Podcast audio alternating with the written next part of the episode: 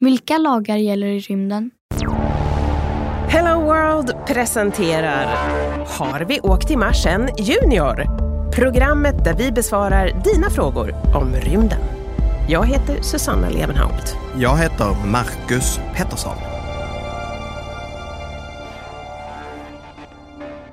Det finns stora planer runt om i världen på att bygga rymdbaser på månen, fler rymdstationer och till och med bemannade resor till Mars. Men vad är det som gäller när man väl är där ute? Vad har vi för lagar att förhålla oss till? I rymden är ju alla egentligen jordbor, oavsett vilken nationalitet man tillhör. Och traditionellt sett har konflikterna i rymden varit ganska få. Men ju mer vi gör där ute, desto fler tillfällen uppstår det ju då vi kan bli osams. Vi är ju inte direkt bra på att hålla sams här nere på jorden. Så vad händer då? När vi väl kommer fram till Mars, vem är det då som bestämmer vad det är som är okej och inte?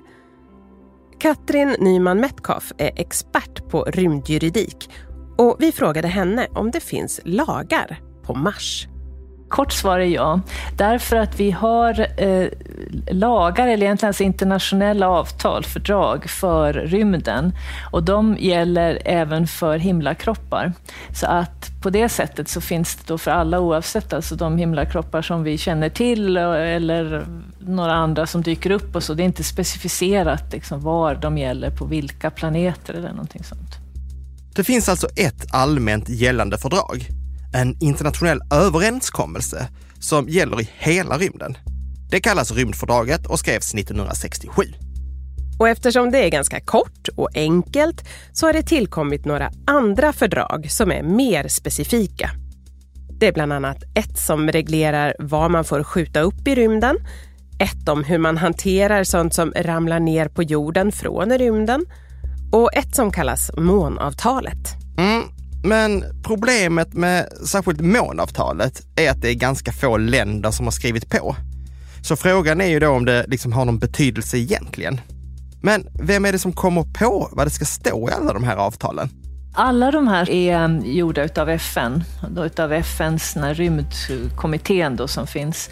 Eh, eller jag har egentligen inte sett mig gjorda av dem, men det är de som då har förhandlat fram, alltså medlemsländerna har förhandlat och sen antagit de här. Så att det är som internationella konventioner i FNs regi, som då länder kan skriva på eller inte skriva på. Så att det är väldigt olika antal eh, länder som har skrivit på. Men rymdfördraget har så pass många parter att det brukar man se som, eh, som den gällande rätten för rymden. För de som inte har skrivit på har förmodligen inte gjort det därför att de vill protestera, utan snarare för att de inte har tänkt på rymdfrågor eller sådär. Så det, det kan man säga är en slags liksom, lite allmänt säga, grundlag för rymden och så. Eh, men sen hur det ska gå till egentligen, liksom i teorin, om allt fungerar som det skulle, då är det att alltså FN hjälper till att förhandla fram de här fördragen, länderna antar dem och sen så ska länderna skapa egna lagar på precis vanligt sätt som alla lagar som man gör genom alltså lagstiftande organ, för att liksom ge kraft åt de här internationella fördragen.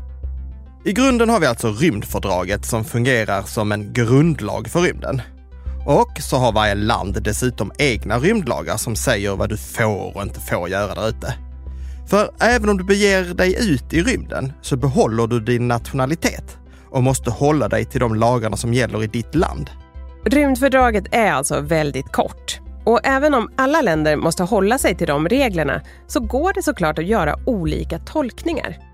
Och det är en av mina favoritfrågor, för det var ju ämnet också för min avhandling, eh, där man ju då i rymdfördraget säger att det är förbjudet att tillägna sig rymden, men det är tillåtet att använda den. Och då, om man nu inte förklarar vad man menar med att tillägna eller använda, så blir det genast en tolkningsfråga. För att det finns ingen lista på vad det är som är användande av rymden, liksom vad man hade tänkt sig.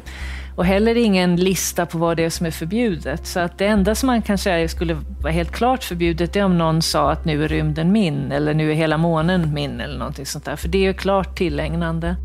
Enligt rymdfördraget så är alltså rymden till för hela mänskligheten. Du får använda resurser från rymden, men du får inte slå ner dina bopålar och hävda att rymden är din. Lite som allemansrätten då kanske. Det är en del länder nu som eh, faktiskt framför någonting liknande. Liksom där, för att då, det är två länder som har antagit lagar om rymdresurser. Det är USA, som kanske inte är så förvånande för de har mest rymdlagstiftning om allting, för de är mest aktiva i rymden.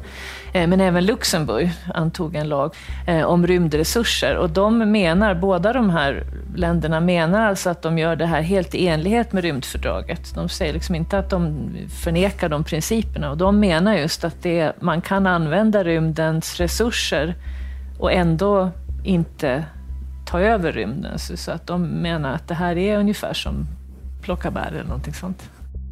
Så det är alltså upp till varje land att bestämma hur man vill tolka de regler som finns. Det innebär att ett land kan ha helt andra regler än ett annat. Men vad händer då om till exempel Luxemburg bestämmer sig för att bygga en gruva på månen?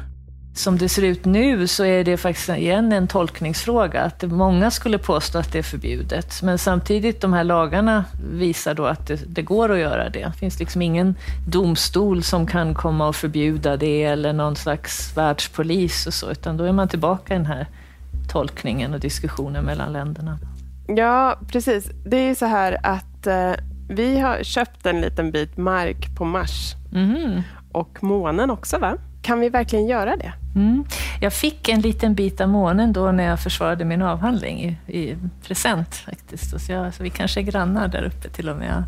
Ehm, det korta enkla svaret kanske det är det att det eftersom inte Mars och månen tillhör någon, det tillhör alltså hela mänskligheten. Det står också i rymdfördraget alltså att det ska vara hela mänskligheten, så man får inte tillägna sig det så kan man ju inte heller sälja det. Det är liksom en grundläggande juridisk princip, för jag kan inte sälja något som inte är mitt. Sen är det ju ändå så att de personer som säljer de här tomterna hade faktiskt en juridisk argumentation på sin hemsida, och så där han förklarar då som i och för sig inte är någon speciellt hållbar argumentation, men, men det finns ändå någonting i den. Det gick ut på just det att det finns liksom inga nationella lagar som binder individer, utan det finns fördrag som binder staterna. Och då som individ så får man liksom göra vad man vill. Varför det inte håller, det är det att det finns en allmän princip i internationell rätt att staterna ansvarar för sina individer, för annars skulle det inte vara någon vits alls med internationell rätt. Eh, men å andra sidan, om det nu är så att länderna inte har antagit lagar och det är lite osäkert vad som egentligen gäller så finns det som sagt kanske möjligen en liten poäng där. Att han menar att det är liksom ingen som har förklarat precis vad det här innebär och då finns det inget som hindrar att någon gör det här. Och där kan man väl säga att den argumentationen nästan lite styrks av det att det är ingen som har försökt förhindra de här företagen. Däremot, det, här, så det går alltså att argumentera så, men jag skulle nog ändå säga att eh, Alltså, jurister ska ju alltid kunna argumentera för båda sidorna, men om jag skulle vara advokat i domstol åt någon sida så skulle jag nog ändå föredra att vara den som är emot det här. Därför att jag tror att det är nog ändå så att det är ganska klart att ingen kan äga månen eller Mars. Det är nog ingen riktigt bra pensionsförsäkring att ha ändå.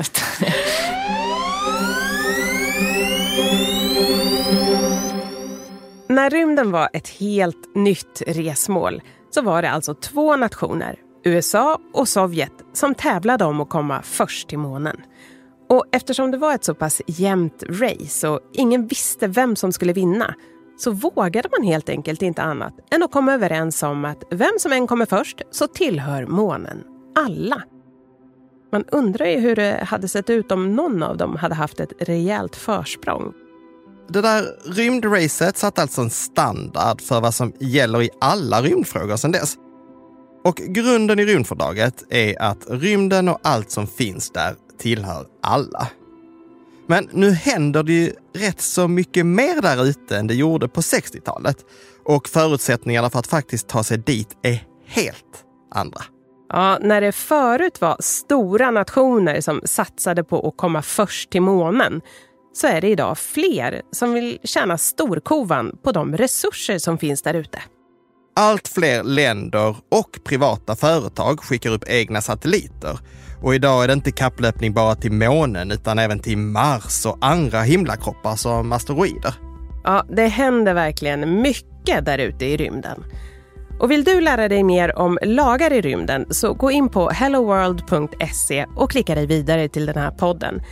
Där hittar du en längre intervju med Katrin Nyman Metcalf och en massa annan rymdinfo. Jag heter Susanna Levenhaupt. Jag heter Marcus Pettersson.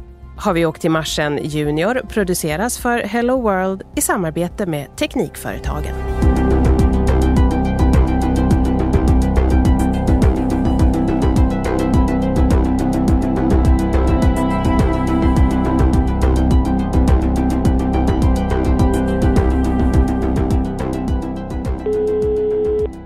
Hallo.